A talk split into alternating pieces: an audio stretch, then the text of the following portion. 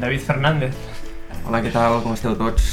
Eh, anem a explicar una mica què és això i... Exacte, sí, no? Primer s'estaria bé fer una introducció per als Sí. propers capítols. Exacte, aquest és, la idea és que sigui el primer de, espero que molts episodis de, de podcast. Um, el títol d'això, d'aquest podcast, és La gent normal. Uh -huh. La idea és que sigui entrevistes a, a gent normal, a gent que no és famosa, almenys de moment. Um, I que sigui una mena un portal per, perquè la gent pugui explicar una mica la seva experiència. De moment, eh, que sigui, eh, bueno, que la gent pugui explicar la seva experiència universitària. Suposo que és el tema que més ens interessa. i a més considero que hem anat una mica en el clau perquè penso que és un tema que no està gaire desenvolupat, no?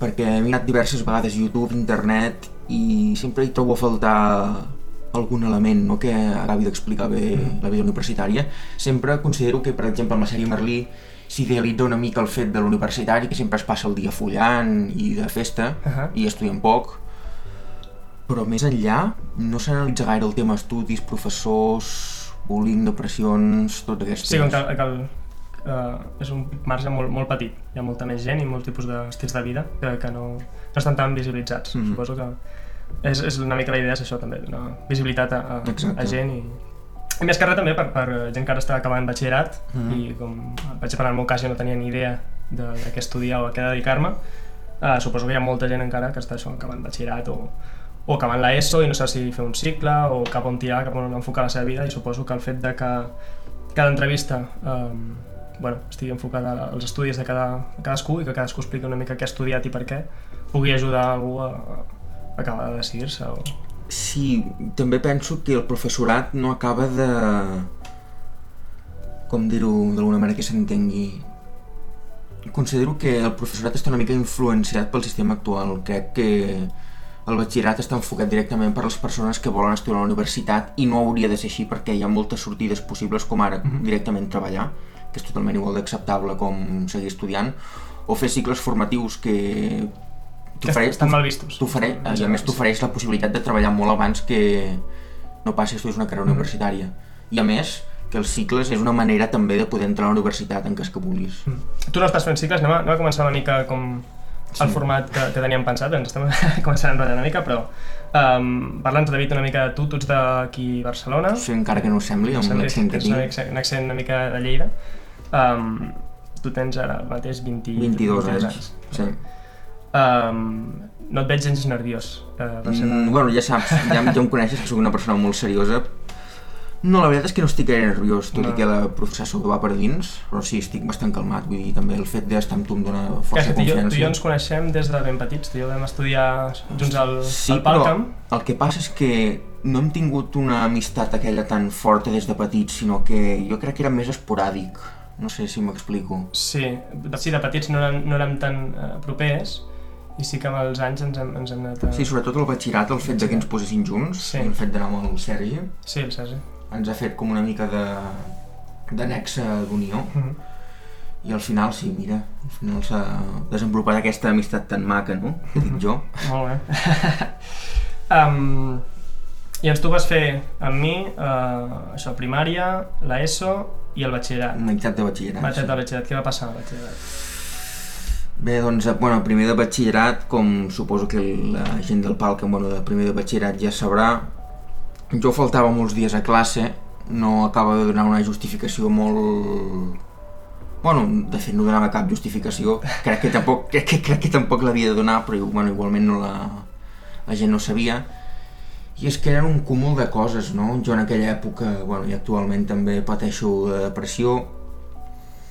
És una condició que se m'ha donat a part de amb el bullying que vaig patir a segon i tercer d'ESO per factors genètics, ja que la meva mare també té, bueno, ha tingut problemes d'aquest tipus. I bé, doncs, en aquella època suposo que amb el canvi de l'edat del pavo vas... les hormones estan revolucionades. A més, és un tema molt, molt tabú. Uh, la Sí, és un tema molt tabú, de fet, em... ara estic llançat parlant, però quan acabi el podcast potser em, lame- te em, em, n'arrepenteixes. em lamento d'alguna cosa que he dit, però bueno, és igual, ara que estem aquí ho expliquem tot i que vagi com vagi, tu. Vinga.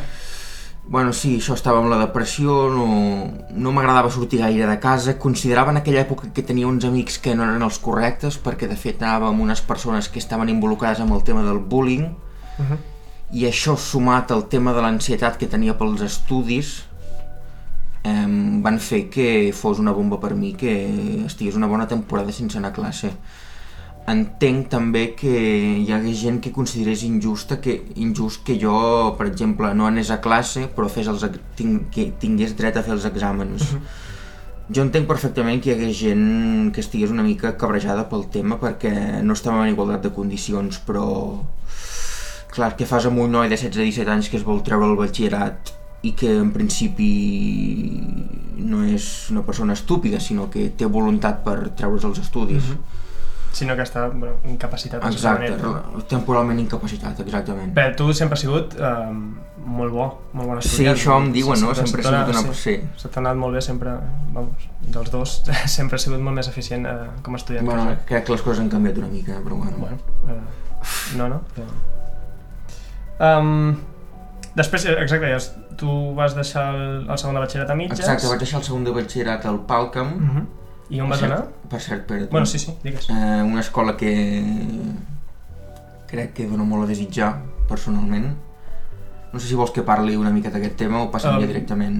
Si tens res a dir sobre, sobre això, parell de frases. parell de frases. Considero que el Palcam tracta el tema... Bueno, directament no tracta el tema del bullying, és com Rajoy amb Catalunya. Direct, direct, directament ja mira cap a, mira cap a Aragó, mira cap a l'altra banda. Sí. Llavors jo penso que el Palcam és una bona escola on s'aprèn bé i et donen canya perquè són És a dir, si ets un nen estàndard que no dones cap tipus de problemes i no tens uh, cap tipus de... Uh... Home, jo crec que no s'ha de plantejar des d'aquest punt de vista. Jo crec que s'ha de plantejar és que si en una escola et fan bullying, siguis normal o siguis diferent, no hi vagis. No, evidentment. Bueno, o sempre que no t'ajudin, esclar. Exacte, o sigui, si fan, si fan bullying però t'ofereixen una sortida, llavors sí que es pot plantejar que el teu fill vagi a aquella escola, però en el cas que, com és el Palcam, que es faci bullying i no s'acabi d'ajudar el propi alumne, no el portis perquè és que directament no fan res, o sigui, allà el que té el bullying és el que té la pella pel mànec, és el que a veure, fa, fa pràcticament el que vol, està emparat totalment per, pels professors i pel cap d'estudis. Uh mhm. -huh Vull dir, no fan res, és com... Ho consideren, jo crec que consideren una cosa normal, una cosa normal que és inevitable. Coses de nens, no? Sí, cosa, exacte. Coses de nens que no... Com si no es poguessin resoldre o com si fos una realitat que és allà, com si els humans tenim orelles, doncs el pal canvia bullying, és el mateix. Sí, seria el mateix, clar, clar. Perquè si tu vas notar canvis quan vas canviar uh, l'escola a Bueno, sí, en, en el cas quan... Ah, escola universitat o no, no, quan estaves, on vas acabar el batxillerat, quina escola era? On vaig acabar el batxillerat va ser al Centre d'Estudis Estocolm, que és una acadèmia que està al carrer Palai, si no si no m'equivoco, davant de la facultat on estudio ara mateix, i que està molt bé, tot i que s'ha de dir que allò és una acadèmia, que només fan batxillerat i cicles, vull dir que el tema bullying ja el tenen més superat, no és el cas de l'ESO on explota més l'assetjament escolar. Exacte, perquè el Palcam és un institut on l'ESO, tant primària, ESO i batxillerat es fa tot al mateix centre, o sigui, hi ha instituts que, que, que els nens canvien, però allà tot és, eh, tothom ve ja amb la seva història i mm. Et coneixes de tota la vida i qui té, mm. tothom està molt uh, etiquetat i és molt difícil sí, sortir de... les etiquetes És molt difícil sortir d'aquesta aquest, màscara que, que, que al final cadascú es posa a l'entrar a classe, no? Um, I com et va anar a la nova escola uh, per acabar el batxillerat? Bé, relativament bé, perquè bueno, en aquella època seguia restant una miqueta la depressió, però vaig conèixer gent molt bona, molt maca, una gent molt correcta, també uns professors bastant brillants, la veritat, però el que també vaig trobar una miqueta a faltar, encara que potser sóc una mica perfeccionista, és que clar, si ells són batxillerat, també considero que han de ser una mica conseqüents i han de saber que ve, de la, que ve gent de l'ESO tocada. Que pot venir gent de l'ESO que ha patit bullying o assetjament o depressions, i clar, llavors potser també podrien enfocar una miqueta més aquest batxillerat en tractar aquesta gent per intentar guarir-la, a part d'aprendre i treure't el batxillerat, que això és fonamental. Però la resta considero que és una escola molt... És a dir, creus que en general a l'educació s'hauria de personalitzar tot molt més? El que, el que està ara, no tractar tots els S'hauria de personalitzar, però també entenc que personalitzar-ho és bastant difícil perquè, clar, quants alumnes són per, per aula? A batxillerat que són 30, més o menys sí, 25, bueno, ara amb el, amb el tema del coronavirus han, han baixat les ràtios, però clar, és que ara som un fotimer. Uh mhm. -huh. Bueno, fins ara eren un fotimer, llavors, clar, com ho vols personalitzar? I a més que el tema de personalitzar també influeix l'opinió de l'alumne, perquè en aquella edat, en aquella època, un alumne és que no sap el que vol. No, no sap del tot ben bé el que vol. Llavors, clar, li poses com el menú per defecte Exacte. i que faci allò, Mhm. i ja està. I després, al cap d'uns anys, que triï ell. No, clar. Molt bé. Um, vols que parlem una mica de què has estudiat uh, quan vas treure't el batxillerat? Perquè tu anaves... Um, vas entrar a... Directament, però sempre has volgut estudiar, que estàs fent filologia catalana? Exacte, jo des de quart d'ESO més o menys, gràcies a una professora que es deia, segur que, ten, segur que la coneixes tu, Pietat Cañizares, Sí. és la que em va fer començar a veure que volia estudiar filologia, Uh -huh. amb les innombrables bueno, les oracions sintàctiques, que flipava amb elles jo, la veritat. És que a mi em torturava.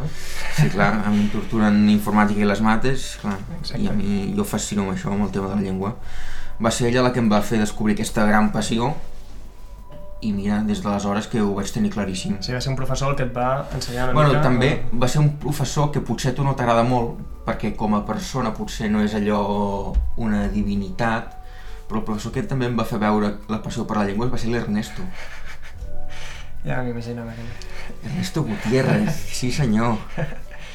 Um, perquè consti en acte, uh, al final em vaig reconciliar amb ell, tot i que a Ah, sí? l'ESO li tenia Ah. bastanta mania, eh, al final... Sí, tenia les seves cosetes, aquest Sí, home. sí, sí. No sé si ens escoltarà, no ho crec. Eh, No ho sé, espero que no. Sí, si ens saluda, eh, una abraçada. bueno, eh, això, ja vas entrar a la UB? A la UB Filologia Catalana, sí. Vale. I abans vas estar... Uh, quant temps vas estar fent? Vaig estar a Filologia Catalana durant un any i mig És a dir, vas fer tot primer... i la meitat de segon. I primer t'ho vas treure net, sense cap problema? Sí, Vale. ho vaig treure net. Sí. I després a segon què va passar? Per I a segon van tornar, van com, tornar a començar el problema de la depressió i ansietat. Clar, perquè cal destacar que jo sóc una persona que em comparo molt amb els altres. I clar, jo veia que, que tornava a passar una mica el mateix de batxillerat, que era diferent, tenia depressió, faltava classe, no m'identificava amb la gran quantitat d'alumnes que hi havia allà.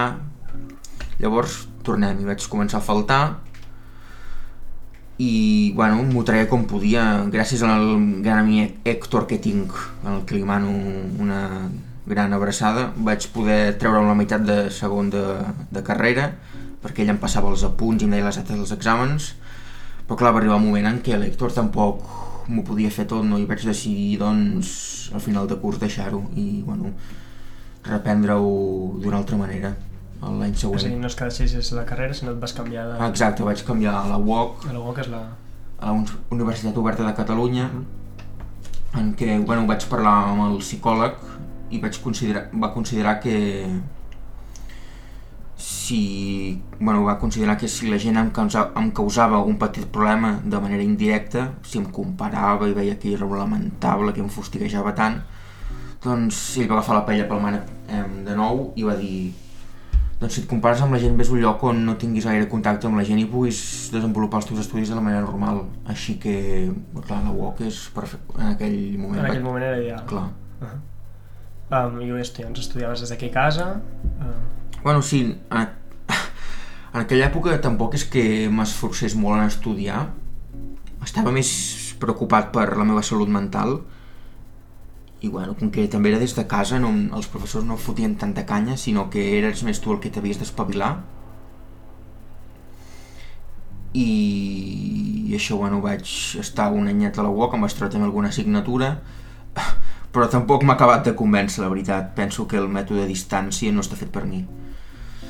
I llavors, clar, jo vaig comparar què és millor, estudiar a distància i estar descontent o estudiar um, presencialment? presencialment i estar menys descontent i fer amics i tenir una vida social una mica més activa. Llavors, a partir d'aquest any, he decidit reprendre un altre cop els estudis a la UB, és a dir, a la Universitat d'Origen. Exacte. I, I canviar de, de facultat de la UB a la UOC i, i un altre cop de la UOC a la UB t'ha causat qualsevol problema? Bueno, o ara, ara amb el tema del coronavirus sí que m'ha causat una mica de problema perquè, evidentment, abans quan volia fer, quan vaig fer el, trasllat, el primer trasllat expedient de la UB a la UOC, l'únic que vaig haver de fer és anar un parell de vegades a, sec a secretaria, un, o sigui, una vegada a la UOC i una vegada a la UB, ells es van organitzar i van fer el, els corresponents trasllats d'expedient i tot perfecte, però ara amb el tema de la Covid t'has d'espavilar, tu has de buscar, t'has de buscar una miqueta la vida. Llavors, a més els tràmits són més lents, hi ha molta burocràcia, i per exemple jo no està del tot segur que pugui començar el dia 21, que és quan comencen en teoria la resta dels meus Clar, companys. perquè ara estaràs a la UB i estaràs fent un mix entre presencial i, i, Exacte, i online, no? exacte, És sí. dir, Mm. Tens una mica el mix de cada, de cada Sí. casa a partir d'ara. I, I això, en el, el trasllat de d'expedient, eh, se't, convali, se't convalidaven totes les Eh, assignatures? sí, com que la gran avantatge de la UB i de la UOC és com que són universitats públiques, eh, el trasllat d'expedient es pot dur a terme de manera perfectament, excepte una assignatura que no es va poder fer, que va ser Introducció a la llengua italiana perquè bueno, la UOC només, de llengua estrangera només imparteixen anglès i francès, però la resta tot perfecte. Vale. Sí. Um, molt bé. Uh, vols que parlem això del tema de les assignatures? Quines, per la gent que vulgui estudiar filologia catalana o que s'estigui plantejant estudiar-ho, um, quines assignatures hi ha? Quina és la que més t'agrada a tu? Uh, explica una mica això com... com... D'assignatures, bé, el, pri el primer curs, bueno, el primer semestre bàsicament tenim assignatures en comú amb els alumnes que també estudien filologia hispànica, filologia anglesa, lingüística, amb estudis literaris, que és una mica com... et fan com un mix de, entre llengua, literatura, gramàtica i, i sintaxi però després ja a partir del segon semestre ja es comença a, perfilar una mica més l'usuari, és a dir, i es comencen cen- a centrar els estudis en la teva pròpia carrera. Tot i que també és veritat que en el segon semestre del primer curs també comparteixes aula amb gent d'estudis literaris, de llengües romàniques... És a dir, tu ja tens um, optatives des de quin curs? No són exactament optatives. Bueno, és que clar, com tractar-ho? És que no són, o sigui, no són ben bé optatives, sinó que són assignatures que tens en comú amb, Amb altres altres estudiants de la carrera. Vale. Però en principi optativa ja tens des de primer perquè quan has d'escollir una, una llengua estrangera pots escollir introducció a la llengua italiana, que és la que vaig fer jo, Mhm. introducció a la llengua francesa, introducció a la llengua basca, gallega, noruega, sueca, del que tu Les vulguis. que vulguis, exacte. Mm. Molt. Um, quina és la que més t'ha fet suar, l'assignatura que més has patit? Possiblement èpoques literàries, amb el senyor. Morgades. La cara que fas és... Considero que no era un temari excessivament... Bueno, també t'he de dir que, com que he de fer, he d'acabar el que em queda de segon, no puc dir-te en la totalitat de la carrera quina és l'assignatura més difícil, sinó que et Exacte, dic la vale. més El que portes fins ara. del que porto fins ara la més difícil. Sí, I, eh, crec que bueno, va ser èpoques literàries amb el senyor Josep Morgades, en la qual no sé si era pel meu estil de redactar o com ell entenia l'assignatura, però que em va costar bastant aprovar. Vaig haver de... No, de fet, vaig haver de repetir l'assignatura a l'any següent. Mhm. I això, el de repetir exacte, tu, eh, cada cop que repeteixes, l'assignatura eh, és, és més cara. Sí, exacte. Exacte. Has, quan, has repetit moltes assignatures a la universitat? No, aquesta va ser l'única que vaig haver de repetir. Per sort. Jo no t'havia vist mai suspendre una assignatura, eh? No, no, no, és que és... di- Sí, sí, és que és això, la gent em veu també com una mica, com una mica empollon, no? Suposo, pel tema de l'ESO que estudiava. Mm, jo, bueno, jo no et veia en pollant, sinó amb facilitat. eh, Facilitat. Diria, sí. Mm. Bueno. Um, quins creus que són el- els punts uh, més forts i més, més febles de la, de la UB, d'aquesta carrera? De la UB com a universitat o de la carrera... De, de la carrera, de la, de la carrera a la UB, és a dir, el que has fet tu. Jo crec que els punts forts és que l'estudiant ho té molt fàcil per gaudir de l'assignatura, ai, de l'assignatura de la carrera. Penso que està molt enfocada en la pròpia llengua i que l'estudiant pot llegir molt, pot aprendre molt, pot estudiar molt, pot aprendre moltes coses que, per exemple, al batxillerat són impossibles d'obtenir com a coneixement i penso que que és un lloc idoni per poder estudiar en la seva totalitat la llengua catalana. Mm -hmm. Els punts febles, bé, serien com els de qualsevol universitat, no? que crec que els estudis no estan enfocats en un futur molt laboral. És a dir, que estan més enfocats en el fet d'aprendre i no estan tan enfocats en el tema de sortides laborals per després en un futur tenir una feina. Perquè tu tens uh, pensat... És a dir, tu sabies que volies estudiar, però has- tens idea de què, a què, a què et vols dedicar? O simplement has Eh. estudiat això perquè és la teva passió? Al principi sí que és veritat que estudiava, bueno, vaig començar a estudiar això perquè la meva passió, sense importar-me Mhm. en un futur quina professió escolliria. però ara que han passat els anys crec que faria un molt bon paper com a corrector o corrector o traductor Per què? Bé, com a corrector perquè em considero una persona bastant tímida, també tancada, no? I el, la feina de corrector és una feina bastant solitària, en què t'has de posar tu davant d'un text i has de, bé, has de acabar de perfilar que estigui tot el text ben correcte. Penso que si hagués, o el traductor que ve ser bastant, bastant el semblant passar d'una llengua a una altra, Uh -huh. Un text. Penso que si hagués escollit una feina més social com ara professor o la inclús de la periodista, que també ho podria fer amb el tema de filologia, m'hauria costat més perquè, clar, al ser bastant reservat, el meu discurs s'hauria quedat bastant limitat d'acord amb les necessitats de la meva feina. Exacte. És a dir, no tindria molta cosa a dir verbalment, no? Em quedaria una mica tallat. És a dir, que la teva condició i la teva personalitat et, et, et, Sens dubte, jo crec que en qualsevol feina, Mhm. d'una manera o altra. bueno, almenys eh, ho tens bastant... Tinc bastant decidit, sí. Sí, eh? Està, bueno, és veritat, està molt bé. Um, perquè tu, a part de... Anem a parlar una mica més de, deixem Sí. tema de les universitats. Uh, tu fas... Eh, ets molt bo amb els idiomes. Sí, és una habilitat que tinc, sí, sí que em Sempre he mirat molt això de tu. I què, què, què estudies? Feies italià? Vaig fer fins l'estiu italià i des del novembre del 2019 eh, estic fent gallec. Gallec és una, un idioma... Eh, Exacte, és un idioma totalment regional que, que bé, que quasi pràcticament ningú d'Espanya, bueno, tret de Galícia evidentment, Mhm. i d'algunes parts d'Astúries, que crec que ningú estudia. Però el fet pel qual vaig decidir estudiar gallec és, bueno, primer de tot perquè m'agraden molt les llengües, sobretot les llatines, bueno, sí, és lògic, bueno, lògic no, però com al ser llatins ens resulta més fàcil aprendre llengües llatines, doncs vaig escollir gallec per aquest Mhm. motiu, i també perquè la meva família de part de pare em, és d'origen gallec, però clar, amb el tema del franquisme i de la imposició del castellà, la, fam la meva família de part de pare, sobretot la meva àvia paterna, em, va decidir no parlar-li en gallec al meu pare. Llavors, clar, això va fer que el meu pare, amb els anys que va ser viu i vaig coincidir amb ell, jo no pogués parlar amb ell gallec. Llavors, clar, em va quedar una miqueta sempre l'espina clavada, ja que, bueno, jo em considero... O sigui, que Espanya està oprimint a una sèrie de cultures que no són l'espanyola, que no són la castellana, uh -huh. i per això vaig decidir que, que havia d'aprendre gallec, tant pels factors familiars com pels factors idiomàtics. I l'italià? L'italià el vaig decidir aprendre perquè era una llengua que bueno, sempre deien que era un idioma molt atractiu, molt vell, que també era bastant parlat a Europa, però no ho sé, també t'he de dir sincerament que el vaig agafar perquè era una assignatura de la uni, com he dit abans, i a més eh, considero l'italià que és un idioma relativament fàcil. és a dir, que el vaig voler agafar perquè era senzill, però després m'hi vaig acabar pràcticament enamorant. T'agrada l'italià? Molt, l'italià, m'agrada molt. Molt bé, hòstia.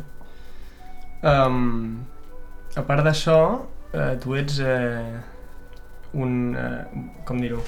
Va- Vas al gimnàs religiosament, Sí, quasi, per, sí, per, sí. per posar d'alguna manera, i vas cada dia, ets una persona molt constant. Sí, Um, bueno, cada dia no, més o menys bueno, 5 vegades a la setmana, cinc vegades però al sí. dia, però, però jo que a mi em costa, jo, jo em costa horrors eh, en el gimnàs, tu hi vas eh, peti i petis. Parla una mica d'això, de, de la constància aquesta i, i, i quins consells ens donaries a gent com jo que, que, que ens costa tant i tant seguir, una, seguir en constància una, una, una activitat com, com, com anar al gimnàs que fas tu. Mm, bueno, també he de dir que el primer de tot que potser vaig al gim... o sigui, vaig començar en el gimnàs per un tema no agradable. Vaig començar en el gimnàs pel tema de que em va quedar bastant gravat el bullying i en aquella època volia estar el més prim possible perquè la majoria dels meus amics eren prims en aquella època i jo també ho volia estar. Llavors vaig començar a anar i només em centrava en fer cardio, o sigui, em passava em sembla que estava una hora i mitja allà, l'hora i mitja o dues hores corrent fent cardio. Però després, el pas del temps, em fixava en la gent que feia peses i que estaven bé físicament amb un bon to muscular i vaig dir, carai, i si ho provo un dia? I si no tot és estar prim? I em vaig endinsar un dia en aquella, en la part de la sala bueno, del DIR, en, del DIR Castillejos, que és on vaig, on hi ha la gent més forta, on fa peses, I sí, sí, em va agradar, i des d'aleshores em vaig estar informant per internet, vaig també contestar opinions amb els amics i vaig veure que amb el tema del gimnàs s'havia de seguir una, una certa disciplina, una dieta i una rutina i que si volies obtenir resultats t'havies de posar al 100% a tope. I sí, des d'aleshores, que potser es farà uns, uns 5 anys, jo crec, sí, estic anant bastant al gimnàs. Sí, sí.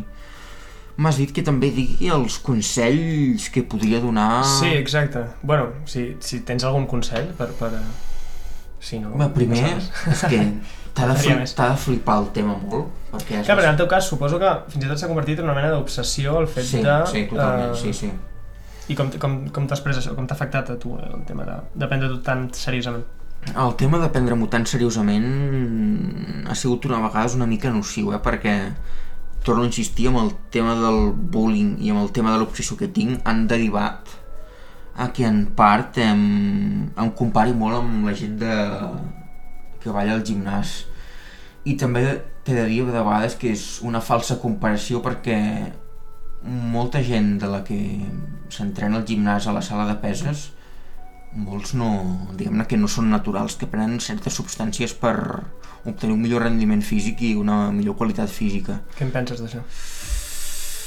Què en penso d'això? Home, la veritat és que depèn, perquè jo considero que cadascú té el dret de fer el que vulgui amb el seu físic, o sigui, amb la seva pròpia salut. És a dir, si una persona es vol drogar, eh, no la convidaré que ho faci perquè marmarà la seva salut, però està en el seu dret. És el seu cos, la seva salut. Jo crec que cadascú té el dret a, a com perjudicar el seu propi cos.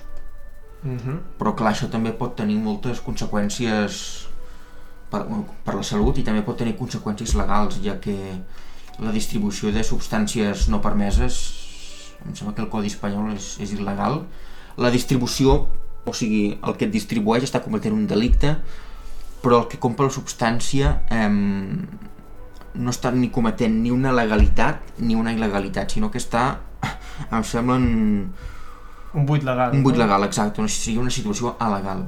Mm -hmm. Tu per això no n'has pres de cap de, tipus d'aquestes No, no, jo no n'he pres mai i esperem que en un futur tampoc prengui, però clar, mai se sap. Mai diguis mai.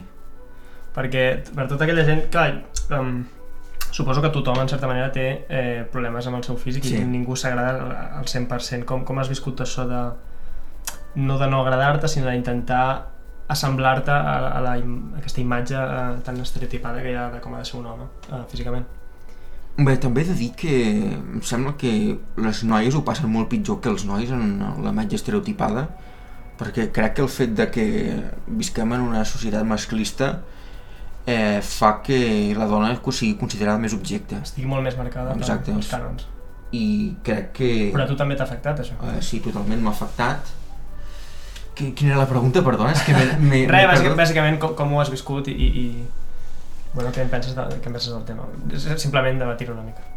Eh, relativament ho he viscut malament perquè jo sempre, bueno, com t'he dit abans, he volgut ser igual que, que la resta i bueno, sempre m'he estat mirant al mirall a veure com tinc els pectorals, el bíceps, la cintura però amb el, cas, amb el pas del temps vaig descobrir que l'ésser humà pot tenir tres somatipus que pot ser ectomorf, que és el típic palillo considerem que és el típic nen prim que se li, marca, se li marca tot però que no té gens de múscul Uh -huh. el mesomorf, que seria el que sense fer exercici està musculat però tampoc està gros, i l'endomorf, que seria el meu somatipus, que és el que tendeix a engreixar. Llavors, al descobrir aquesta realitat, que jo sóc endomorf i que el meu propi cos, sense que jo m'infli menjar, ja engreixa, em va fer obtenir una certa tranquil·litat, volent dir que no estàs fent res malament, sinó que és el teu propi cos que ja és així, i que és la pròpia naturalesa. Llavors això em va fer una mica entendre, però tot i així eh, he patit, ho he passat malament. Suposo com a, com a resum, en general, no només d'aquest problema, sinó d'altres problemes, el, el fet d'entendre que tu no estàs fent res malament i que el que et passa és normal i que li passa a molta més gent, a, ajuda a, a superar aquest tipus de, de problemes? És a dir, sentir-te entès i sentir-te... Clar, és que el problema és que jo crec que no t'acabes de sentir entès perquè jo crec que el que t'he explicat ara del somatipus, la gent de peu de carrer no ho entén. Jo crec que la gent de, de peu, de carrer, si veu una persona grassa, intueix gras és perquè menja molt. Mhm. Si veu una persona prima, prim perquè no menja res. I no, és, total, és totalment incorrecte. A més, que sempre s'entén el fet d'estar prim amb estar sa. I això Ja, no ho veig cert. totalment fals. Pots estar una mica grasset, amb una miqueta de greix, i pots estar perfectament sa. En canvi, una persona molt prima pot estar estèticament més maca i pot tenir seriosos problemes alimentaris, potser està desenvolupant una anorèxia, qui sap.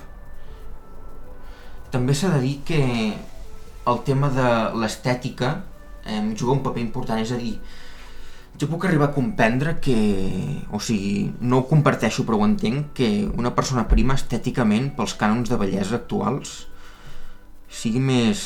que t'entri més pels ulls que no pas una persona que acostuma a estar grassa. I jo crec que també es confon a l'estar proporcionat amb l'estar sa. I no és així, perquè hi ha gent que es fot de tot, anabolitzants, esteroides, clenbuterol, trembolona, bueno, totes aquestes substàncies, que està perfectament proporcionada però que per dins està podrida, que té problemes de filtració de ronyons, que té problemes d'agrandament de cor, i en canvi hi ha gent que està una mica grassoneta, com he dit abans, que no es pren res, però que està... Que els anàlisis de sang estan perfectes, Mhm. que no li trobaràs cap, cap tara, no? cap, cap imperfecció en els... L'organisme. Exacte. Mm. Hòstia, és que és, um, estem quedant sense temps, és un tema bastant interessant. Mm -hmm. Um, però ja per, uh, per acabar, uh, alguna cosa que, que vulguis uh, dir, algun missatge per... Uh, alguna cosa que, que et vulguis treure de sobre? Alguna cosa que em vulgui treure de sobre. Em fas pensar. Potser són més di serien diverses coses, però sobretot estaria enfocat en el tema del, del Palcam i de la universitat. I és que jo tota aquesta gent que veia que jo faltava molt a classe i que bueno, veien que no hi anava i no donava cap, explica, cap explicació, jo els diria que no faltava per gust, no faltava perquè em donés la gana, no faltava perquè la meva mare sigués una despreocupada i no li importés una merda la meva educació, faltava perquè ho estava passant realment malament. I crec que sóc una persona que, tot i que també vaig fer assetjament a certes persones, no em mereixia tot el que, tot el, tot el que he passat. No, em volia dir, bueno, això, insisteixo en que Falta comprensió. falta comprensió en aquest món, hi ha molt d'estigma i penso que en comptes de jutjar tant seria més seria més idoni eh, analitzar una mica més la situació i conèixer aquella persona i donar-li veu al seu problema. Uh -huh. Està molt bé això. Um, ja per acabar, portes tatuada La la paraula hope, hope sí, uh, al, el al canell canell. d'esquerra, sí. Això per què és? Bueno, primer de tot és perquè el futbolista Antoine Griezmann Uh -huh. que per mi sempre ha sigut un referent capilar en els pentinats que es feia m'agradava molt i em vaig fixar un dia que en, en els seus tatuatges portava a les falanges dels dits portava en els quatre últims dits de la mà, no recordo de quina mà era, portava a cada dit amb hope, o sigui una H, una O, una P i una E Uh -huh. els quatre dits, els quatre de... dits Sí, sí, del final de la mà. I jo vaig pensar, carai, i per què no faig aquest tatuatge? I li vaig preguntar, bueno, una tatuadora que tenia, que vaig conèixer de confiança, a veure què en pensava sobre, sobre el tema, i em va dir que, que fer-me un primer tatuatge eh, el dit, els dits era de bojos perquè a l'estar en contacte amb l'os faria molt de mal. Llavors em va proposar l'alternativa de, de fer-me'n en el canyell. Després també se'm va ocórrer, bueno, vaig pensar que últimament m'havia tornat una miqueta més espiritual. És a dir, que pensava que, o sigui, la paraula hope era per recordar-me a mi que mai he de perdre l'esperança. Encara que tot estigui negre, tot estigui molt, molt, molt negre, després d'una tempesta el dia següent sempre sortirà el sol. I vaig pensar... I per què no m'ho recordo sempre i m'ho tatuo el, el canyell? I t'ajuda? M'ajuda menys del que realment hauria, però sí, se'n sóc conscient que de tant en tant m'ajuda i m'ajuda a evadir-me aquesta paraula. Evadir-me una mica de la realitat i veure que no tot és tan negre com, Com sembla. com sembla. Mm. Molt bé, um, doncs uh, jo ho deixaré aquí. Molt bé. David, uh, moltes gràcies per uh, De res, un plaer. el teu testimoni i la, la teva experiència tant personal com acadèmica, Uh -huh. que espero que, que li serveixi a algú, i tant que sí. I res, uh, recordar-vos que el podcast aquest uh, que estem començant avui uh, es diu La gent normal i que, bueno, intentarem entrevistar tanta gent com puguem, és un projecte que ens estem prenent Sí. jo junts. Tots dos, eh? He sigut, la- aquesta vegada Sí. he sigut l'entrevistat, però jo també estaré en el projecte com a entrevistador. I tant, espero que, que, vagi, que vagi bé i, i que ens ajudi tant a nosaltres com, com a, tant- a tanta gent com puguem.